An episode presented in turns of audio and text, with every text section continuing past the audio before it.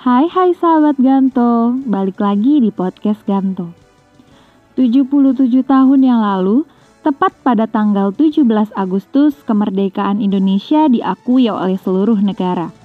Dengan begitu, Indonesia tidak lagi dijajah oleh bangsa asing.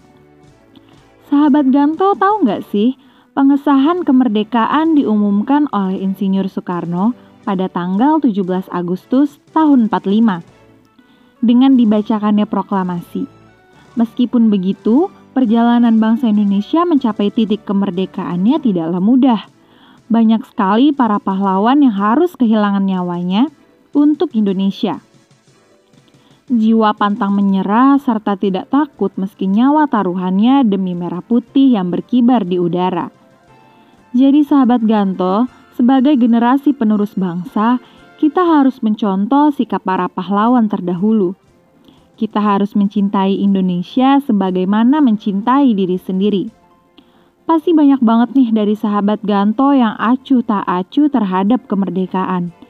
Padahal hari kemerdekaan ini bisa sangat kita nikmati loh, sebab ini hanya terjadi satu kali dalam setahun. Dengan mengikuti kegiatan atau ikut serta dalam kepanitiaan kemerdekaan, itu juga termasuk salah satu contoh dari jiwa nasionalisme. Banyak yang bilang saya Indonesia, tapi masih pura-pura nggak dengar kalau ada yang minta tolong. Katanya sih punya jiwa nasional, tapi nggak mau ikut serta di hari kemerdekaan. Katanya cinta Indonesia, tapi malah mencoret dan melanggar Pancasila.